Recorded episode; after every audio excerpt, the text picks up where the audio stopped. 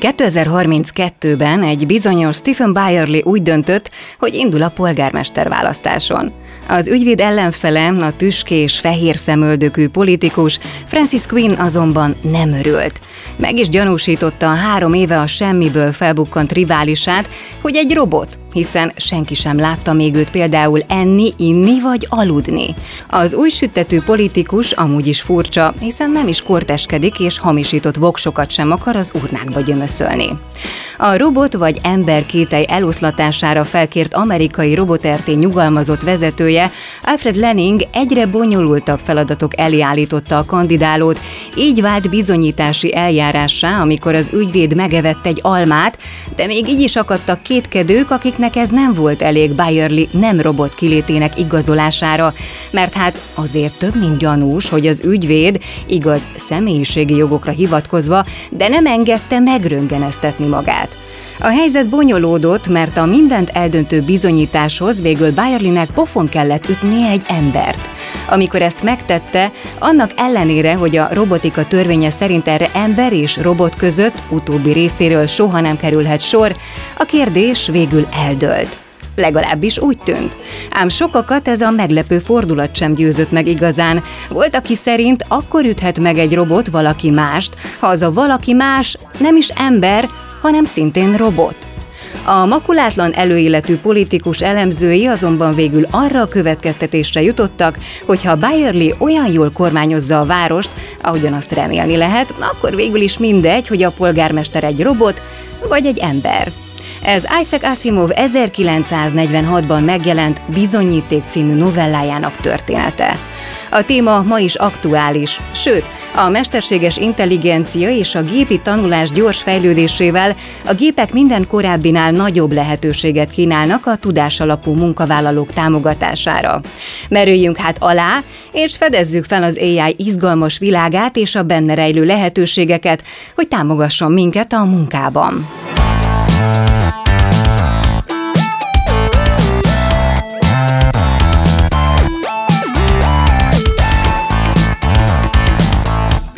Legyél úttörő, legyél dinamikus, legyél agilis, változtas, digitalizálj, újíts. Ezt várják tőled. Ettől leszel sikeres vezető. Mondani könnyű, megcsinálni nem annyira. Az Epic Stories podcastben olyan üzleti történeteket mesélünk el, amikből tanulhatsz, amik inspirálnak, vagy egyszerűen csak szórakoztatóak.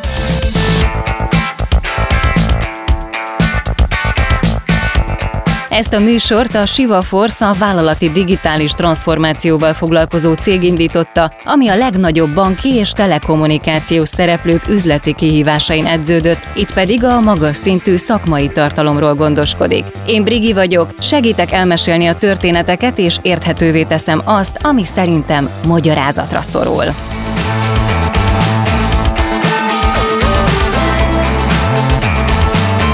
A mai epizódban azt próbáljuk körbejárni, hogy hol van és hol lesz a mesterséges intelligencia helye a vállalati működésben.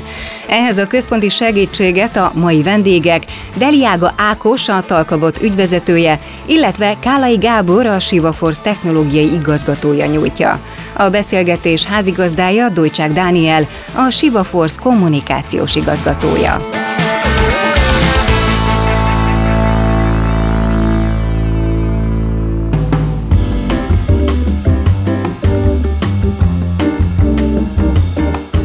Mi mai témánk egy nagyon népszerű topik mostanában a mesterséges intelligencia, de arra gondoltunk, hogy egy kicsit így túlnézünk a játszótéren, és elkezdünk arról beszélgetni, hogy hogyan alkalmazhatóak az AI megoldások az üzleti környezetben, a valóságban. És egy, egy nagyon izgalmas évben vagyunk, amikor észre sem vettük, és így 23 elején szinte ránk rúgták az ajtót az ilyen publikusan elérhető AI megoldások.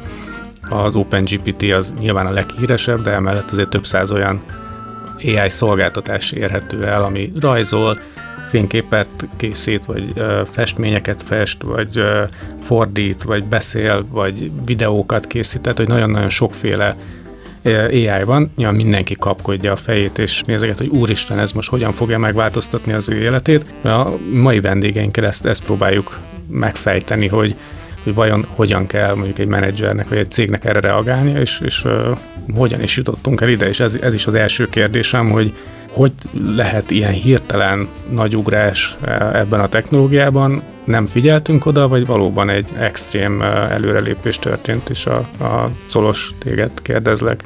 Az én megközelítésem az most mindenkinek ez az érzés, hogy most valami extrém dolog történt. Egy pillanat csak. Mielőtt belemelegednétek, hadd mutassalak be benneteket.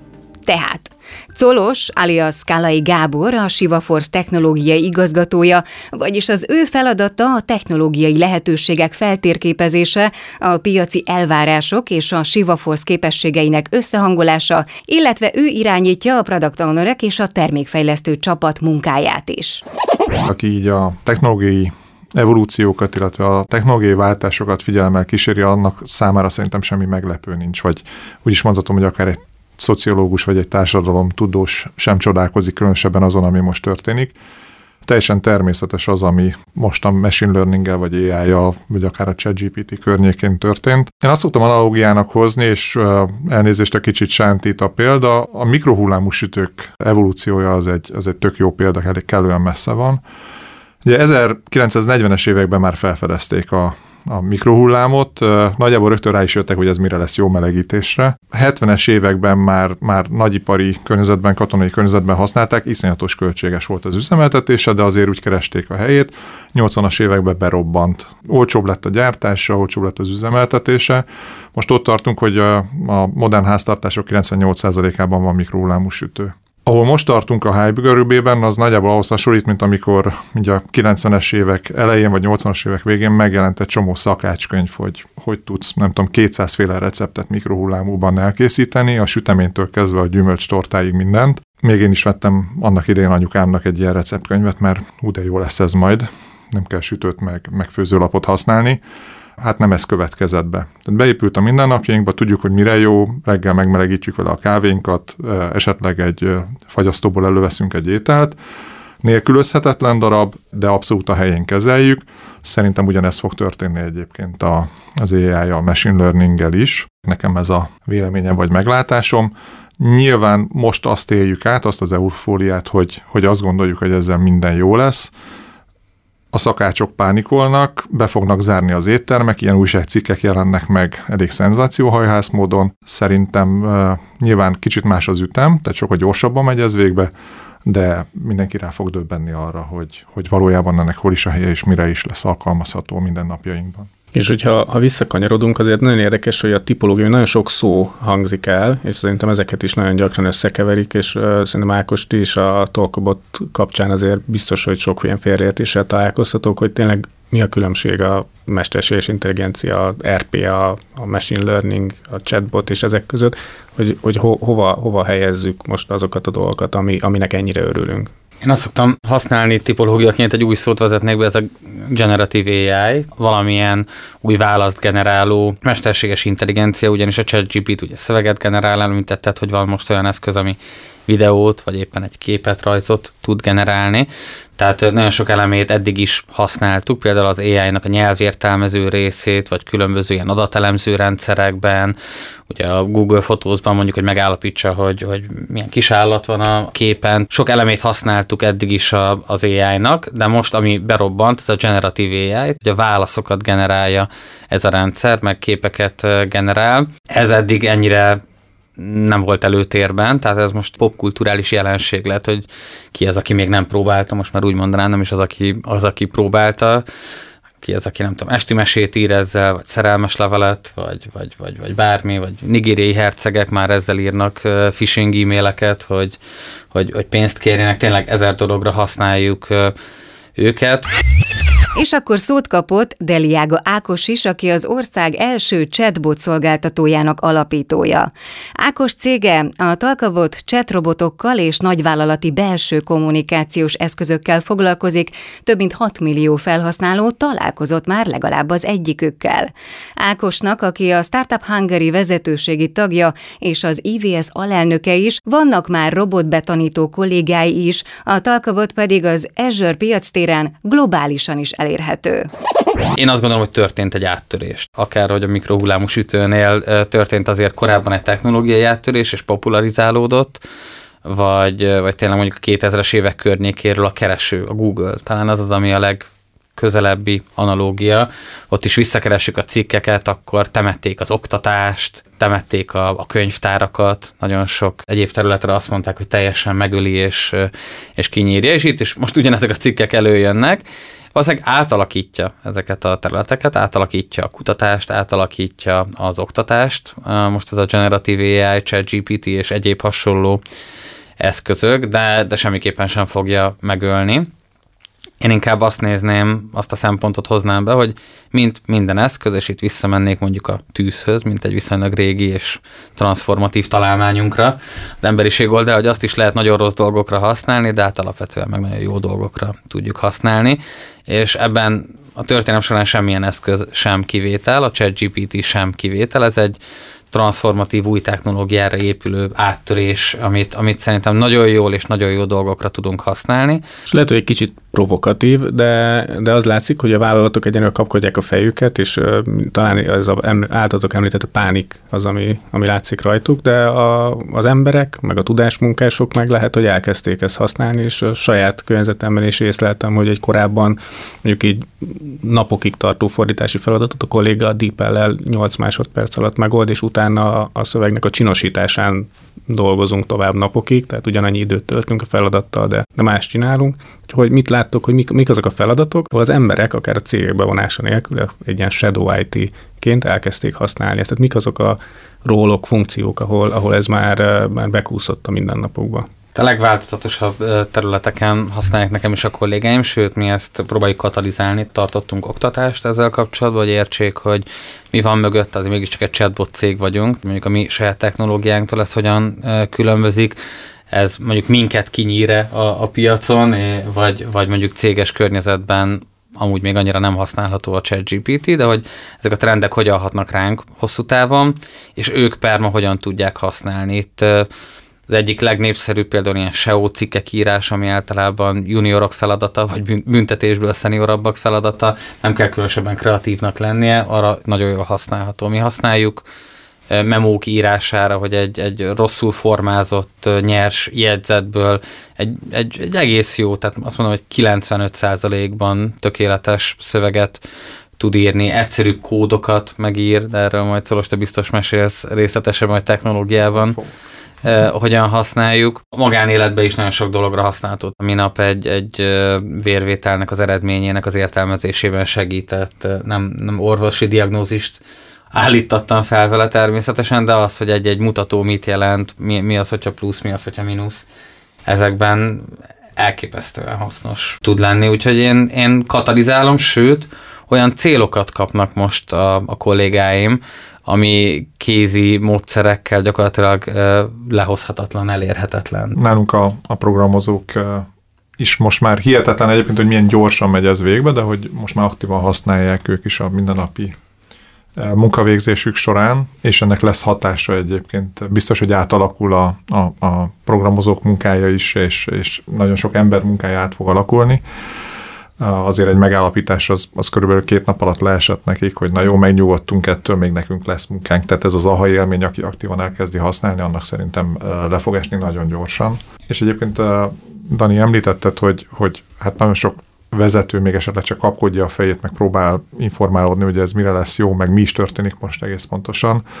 Erre az a jó példám van, hogyha ha ennyire publikusan elérhető lett volna akár a ChatGPT, és ezt a kérdést feltették volna neki ezzel a tudásbázissal, amilyen most van, egy-két éve, vagy akár öt éve, pontosan elmondta volna, hogy ez, fog, ez be fog következni, és ez fog történni, és nagyjából még azt is elmondta volna, hogy most, mert erre kutatások nagyon régóta vannak. Azt eloszlatnám, és azt, azt akik a szakmában vannak, mind tudják, hogy AI-jal szintén a 40-es, 50-es évek óta e, foglalkoznak, nem csak definiálták, hanem megoldások is vannak rá, és most, amit átélünk, az a harmadik hype görbe csúcsa vagy nem tudjuk, hogy a csúcsa, de annak közelében vagyunk. Már kétszer azt gondolta az emberiség, hogy megoldottuk ezt a problémát, és még biztos, hogy még legalább kétszer vagy háromszor fogjuk majd ezt gondolni a közeli vagy távoli e, jövőben az a jó programozó, aki kellően lusta, mert aki kellően lusta, az mindig keres alternatív megoldásokat arra, hogy az általa kevésbé szeretett feladatokat azt elvégezze. Na ezt az élményt hozza be a, a jelenleg elérhető megoldások És egyébként nem csak a ChatGPT-ről beszélek, hanem most már tényleg a programozók idejébe beépíthető pluginok is jelentek meg, amik más machine learning modellekre alkalmazkodva kifejezetten egy programozási nyelvre vagy egy-egy probléma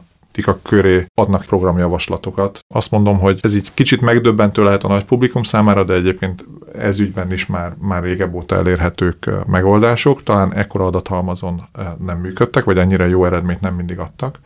És akkor ugye mindenki arra gondol, hogy programot generálunk vele, na erre használják a, nálunk a srácok a legkevésbé. És akkor, ha előhozom a lusta programozót, akkor mire használják, amit a legjobban utálnak csinálni, és tipikusan az ez egy modern, nagyvállalati környezetben, akár ez agilis fejlesztés során ott elengedhetetlen a unit tesztelés, erről nagyon sokat beszéltünk máshol más fórumokon, tesztlefedettséget garantálni kell, hiszen ezzel lehet a fejlesztett kód biztonságát garantálni. Ez egy olyan jellegű tevékenység, ami nem annyira kreatív. A fejlesztők, az informatikusok teremteni szeretnek, új dolgokat szeretnek kitalálni, valamit, amit már kitaláltak és megírtak, annak utána a tesztekkel való lefedése az hát inkább egyfajta rabszolgamunkának tekinthető. Nagyon jó eredményeket értünk el ezzel, hogy különböző ilyen nyelvi modellekkel, ai generált unit tesztekkel élménydúsabbá lehet tenni, és nagyon le lehet rövidíteni az ilyen tesztírásokat kreatív tevékenységeknél nagyon jó javaslatokat vagy ötleteket tud adni, hogy merre indulj el. Ha teljesen gondolatok nélkül kezded el használni, akkor ad 3-4-5 olyan mankót, amit ha elkezdesz kifejteni, és ott újabb három-négy ötlettel előállni, akkor a végén eljutsz oda, ahova egyébként eljutottál volna, és, és végül is te vezetted oda kézen fogva a gépet, hogy, hogy előálljon azzal a javaslattal, de hogy ő nagyon jó kereszteződésekbe tud elvinni, ahol te döntesz, hogy merre indulsz tovább. Ez az élmény a keresőkkel is előállt, csak akkora információ halmazunk van már a keresőkben, akár a Google-ben, akár Stack Overflow-ban, bárhol máshol, hogy ami nem az elején van és nem a tetején van, azt már lényegtelen információnak tekintjük, tehát nem tudjuk így bejárni az egészet. Mindkettőtök válaszából azt, azt hallom ki, hogy ez a katalizálás, meg, meg azt, hogy támogatjátok, ez, ez egy tök pozitív dolog, és hogy, hogy arra, hogy kíváncsi vagyok, hogy venni kell előfizetéseket, erre bátorítjátok az embereket próbálkozni, mennyi pénzt kell egyáltalán szánni, és egy olvastam a napokban egy IT szervezetben, ahol már ki is mérték, hogy mondjuk 60 teljes állású fejlesztő a AI-jal megtámogatva 80 teljes állású fejlesztőnek a teljesítményét tudta leadni. Hogy felmerül ugye az a kérdés is, hogy akkor mi történik a, a, ezzel az elvégzett munkával, hogy drágábban fogják adni a vállalatok, vagy, vagy esetleg olcsósodik a, ez a fajta tudástermék. Van egy olyan aspektus, amit mindenképpen el kell mondani. Most a ChatGPT jelenleg széles körben ingyenesen használható, több mint 100 millió felhasználónál tartanak, már van egy ilyen 20 dollár körüli előfizetés, ami, ami elérhető, és ezért igazából gyorsabban válaszol lényegében. De hallottam olyat, hogy például Szingapurban a, a közszolgálnak megvették, és akkor ott, ott mondjuk egy ilyen speciálisabb adatbiztonságot garantál a, az OpenAI-t. Ebben szerintem nagyon sok innováció, új üzleti modellek, komoly verseny fog jönni a, big tech cégek között, de az ingyenes rész, ez egy publikus, széleskörű emberkísérlet. Mi tanítjuk ezt a rendszert, és az alatt 100 millió ember naponta egész sok időt e, elbeszélget ezzel a rendszerrel, ezért ezért elképesztő szinten tud ő maga fejlődni. Ez egy nagy versenyelőny lesz az OpenAI nevű, amúgy egyáltalán nem nyitott cégnek. jó, jó nevük van, de ez egy zárt forráskódú rendszer, egy, egy black box, egy fekete doboz mesterséges intelligencia, amit mi most fejlesztünk. Ezt azért tegyük tisztába. VC Exit Productor. Ez a becsületes neve annak a mesterséges intelligenciának, amely a jelek szerint képes megjósolni, hogy egy kockázati tőke által támogatott startup sikeres lesz-e, végül felvásárolják-e, a tőzsdére viszik-e, vagy nagy eséllyel sikertelenül zárul majd az inkubációja. A PitchBook kockázati tőke és magántőke társaság által fejlesztett AI-t a cég már rá is engedte a saját adatbázisára, innen az adat, hogy a VC Exit Productor 74%-os pontossággal jelzi előre a sikeres exiteket. Vannak olyan iparágak, mondjuk a, pénzügyi szolgáltatók, vagy a gyógyszeripar, ahol egyszerűen nem tehetik meg azt több szempontból, hogy elkezdik belönteni mondjuk a, a, az ügyfeleiknek az adatait, vagy bizonyos ilyen nagyon, nagyon érzékeny kérdéseket akár feltesznek a, a rendszernek, és ezeken a területeken teljesen használhatatlan az OpenAI, vagy akár tiltott is komolyan kormányzati körökben, meg, tehát lehetne erre, erre példákat hozni, de az ember kísérleten túlmenve ez, ez ingyenesen használható, és azonnal jelentősen növeli a hatékonyságot. Én amúgy többre tippeltem volna, tehát a 60 helyett 80 még akár szerintem jobb is lehet bizonyos munkakörökben, még egy marketing területen szerintem, szerintem simán ennél jobb arányok érhetőek el.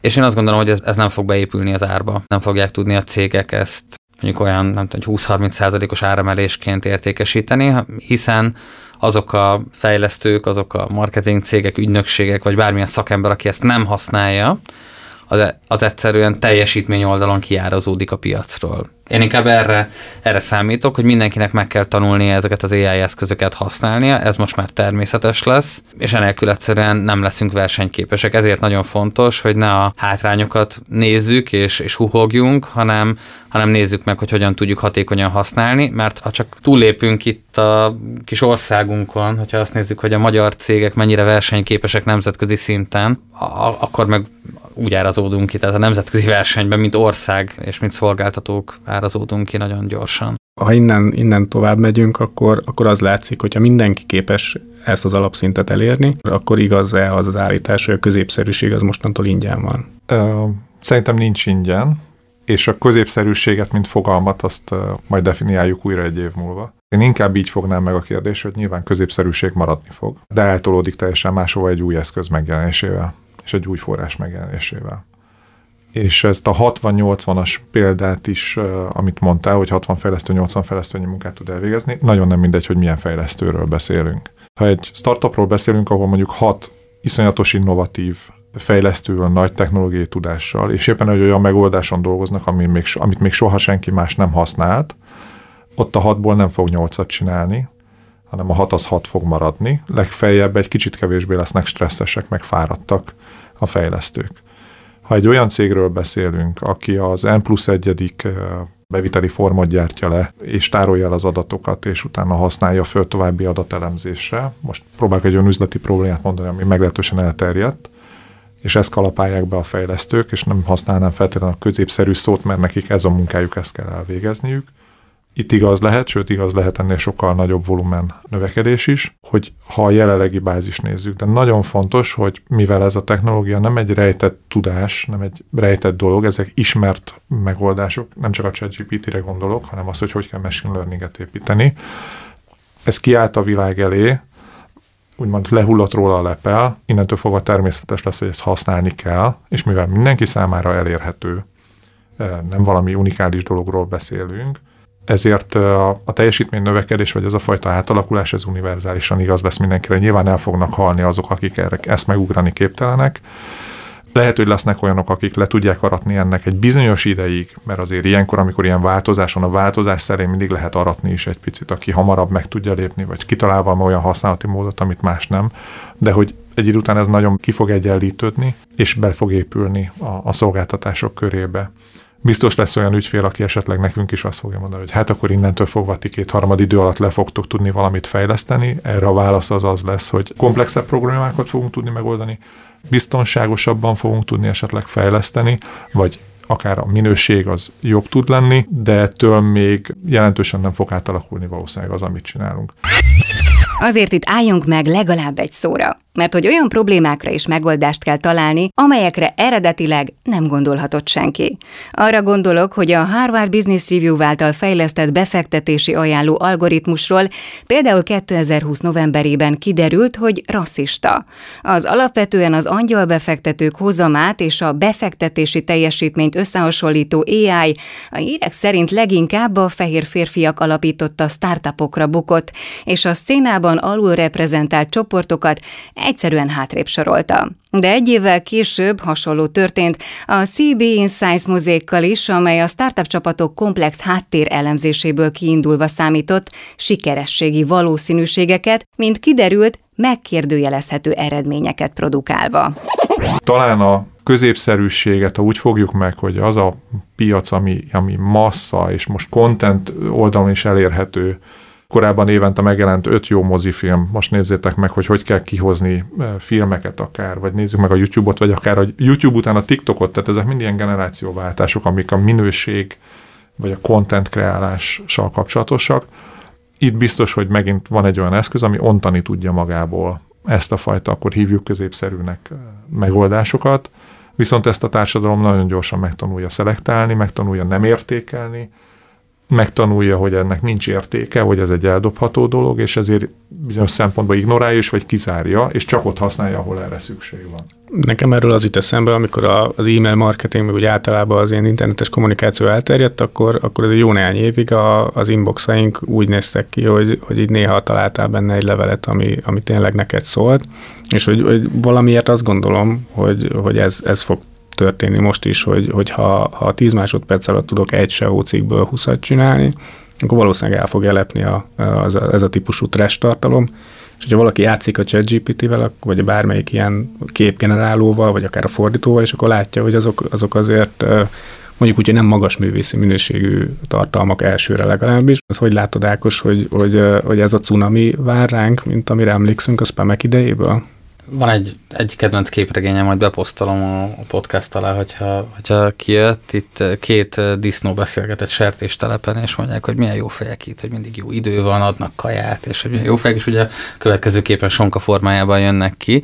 Hogyha valamiért nem fizetsz, akkor valószínűleg te vagy a termék. Ez ugye a, a képregénynek a, a nagyon egyszerű konklúziója.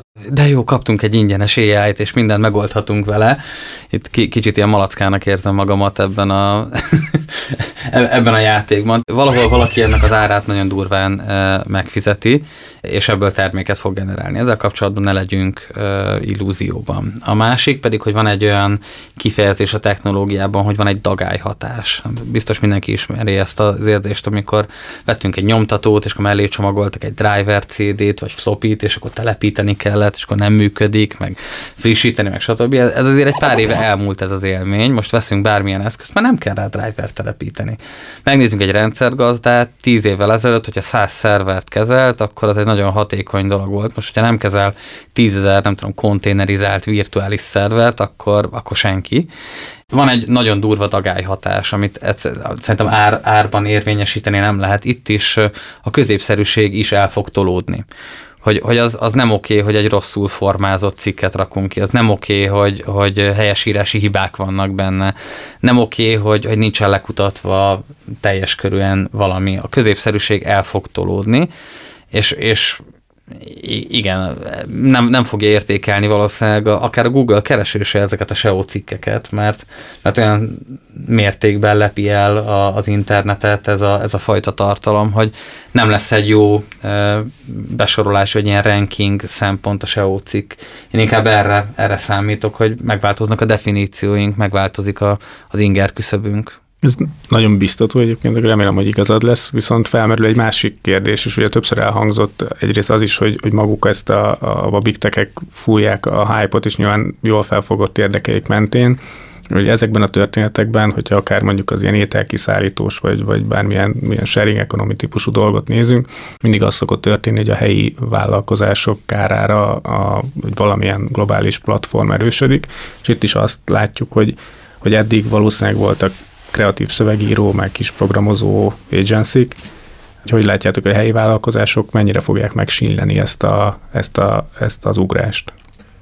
Visszautalva arra, hogy kinek is az érdeke az, hogy az a hype fent legyen tartva. Ugye az Nvidia CEO-ja nyilatkozta, hogy korszakalkotó áttörésen megyünk most keresztül, és rettenetesen fújják ezt a lufit. Tehát ugye azt, aki nincs már a technológiában, az nem biztos, hogy tudja, de ugye a videokártya csípek tömbjelebe kellednek a, az AI-nak a fenntartásához.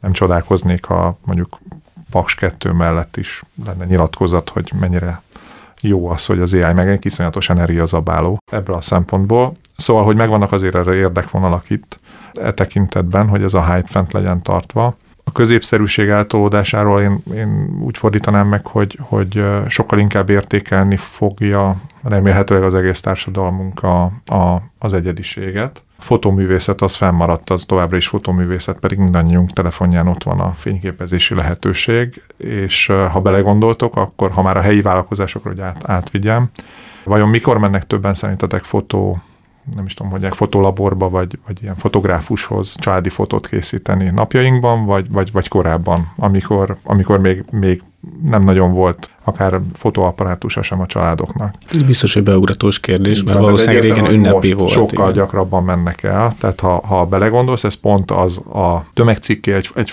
nem fogadjuk el, hogy bármilyen fénykép jó, csak a családról szóljon, meg a családi eseményen készüljön, hanem ragaszkodunk ahhoz, hogy valamivel kitűnjünk a, a középszerűségből, ha már ezt a szót használtuk eddig, és ezért a szakértőket kérjük fel, hogy ezt csinálják. A nyelvi modelleket különböző információkkal kell táplálni, úgymond, hogy tehát nem maguktól mondanak okos dolgokat, vagy nem maguktól gyűjtik ki az információkat, és a kulturális különbségek azok az ilyen világméretű, világméretűen használható dolgokban kijönnek. Tehát nem, nem a mi íze szerint válaszol, nem, nem azt az információt nyújtja, ami lokális ránk értelmezhető. Tehát ai tekintetében is biztos, hogy szükség lesz arra, hogy a lokális tudásbázissal rendelkező, a lokális kultúrához idomuló, a lokális társadalmi berendezkedéshez idomuló AI-okkal tudjunk információt szerezni. Úgyhogy erre egyrészt szükség van, hogy ezeket, ezeket felhasználjuk, vagy azokra az emberekre szükség van, akik a globális információ halmazból ki tudják szűrni szelektálni tudják a ránk vonatkozó dolgokat. Ugyanez a beszélgetés lezajlott egy szövőszék mellett, szövőgép mellett, hogy és akkor majd itt a szövőasszonyoknak mi, mi lesz a betevő falatja, vagy a helyi, a helyi textilipar, ez meg is szűnt egyébként. Helyi textilipar megszűnt, de az embereknek van munkája, más típusú munkája van, és én, én azt gondolom, hogy még, még nem tartunk ott, hogy eljön majd az, hogy, hogy alapfizetést kell majd adni, mert mindent elvégeznek helyettünk a gépek, még, még közel nem jár itt szerintem a, a társadalom, én ettől nem félek változni kell, átalakulni kell, ami, ami szerintem egy picit ijesztőbb az a változásnak a tempója, meg az, az információ mennyiség, amit be kell fogadnunk, mert erre azért evolúciósan az agyunk egyszerűen nincsen berendezkedve, tehát olyan gyorsan kell változnia nagyon sok embernek, ami, ami, ami nehéz szerintem. Ez inkább ilyen szociológiai, vagy akár biológiai felépítésünkből adódik, hogy, hogy, hogy nem tudunk ilyen információ mennyiséget befogadni. Valahogy szűrnünk kell, valahogy, valahogy meg kell nyugodnunk, és, és ezt a ezt a tempót a változásban, akár menedzser, vagy akár, akár a szervezet hogyan fogadja be. Szerintem ez egy, ez egy rendkívül érdekes szociológiai eh, kérdés, és hogy, és hogy mit oktassunk, mi az, amit érdemes oktatni, vagy szemléletet, vagy skilleket, vagy, vagy konkrét tudást, hogy, hogy, hogy most mit, tehát hogy a változás tempója az, ami szerintem egy, egy valós probléma, és, és ijesztő az, hogy bejött egy új eszköz, és emiatt változik a munkakör, ez, ez oké, okay. nálunk vannak robot tanítók, csak ezt csinálják, robotokat tanítanak, és aztán az általuk betanított robotok sok száz ember helyett dolgoznak, de de ezek az emberek, akik helyett dolgoznak, azok junior ügyfélszolgálatosok lennének, akik amúgy meg nincsenek a piacon. Nem lehet ilyet felvenni, vagy csak nagyon drágán. Munkaerő hiányban élünk, és az az egyik leggyorsabban fluktuáció pozíció, ami még van ebből a, a szakmából. Foglalkozzanak az emberek kreatív feladatokkal, probléma megoldással, és ez szerintem egy szép új világ, hogy hogy egy ügyfélszolgálatosnak nem kell aznap 200 adjára elmondani, hogy milyen nyitvatartás, mert ezt már egy AI megmondta azonnal, és az ügyfélnek se kellett válasz, várnia egy ilyen egyszerű kérdésre. Úgyhogy szerintem level up, és, és jönnek, jönnek az új pozíciók, ezt a változást kell valahogy a társadalmi szinten szerintem jól kezelnünk. Jó, nagyon szépen köszönöm a, a, a higgadságotokat, és hogy, hogy ez, ez szerintem olyan hasznos minden cégvezetőnek vagy menedzsernek, akár szolgáltató szektor vagy kereskedelemben IT-ban dolgozik. Ugye ez fontos volt, hogy elmondtátok, hogy, hogy a hype nem biztos, hogy, hogy úgy kell tekinteni, hogy most mindent megváltoztat, lehet bátorítani az embereket, hogy kísérletezzenek, próbálkozzanak, elő lehet fizetni, és egyébként elő is kell majd fizetni. Szerintem mindenki egy kicsit egy fokozattal bátrabban és reálisabban látja most a feladatait, hogy, hogy ezt jól ki tudja használni. Köszönöm, Köszönöm szépen.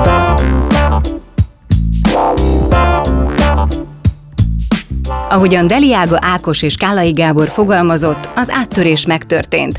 A ChatGPT és társaik átalakítják az eddig ismert céges kultúrát, de a tudás, amivel ezek a rendszerek léteznek és fejlődnek, nem valamiféle rejtett tudás, így az is gyorsan természetessé válik majd, hogy használnunk kell őket. Nem az ellenállás és a vétózások felé, hanem erre van az előre. Bátorítani kell az embereket a kísérletezésre és ismerkedésre, mert a feladataink ellátásához az AI kínálta lehetőségeket ki kell tudnunk használni.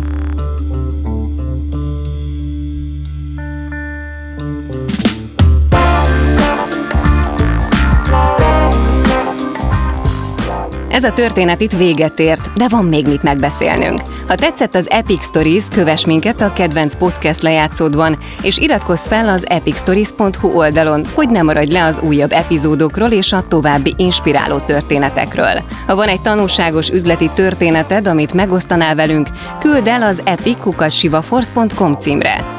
Az Epic Stories tartalmi koncepcióját Dojcsák Dániel készítette, a műsor szerkesztője Szabó M. István, a zenei és utómunka szerkesztő Szűcs Dániel, showrunner Orsos Lajos, a kreatív producer Román Balázs, a producer pedig Hampuk Rihárd. Ordasi Brigittát és az Epic Stories-t hallottátok.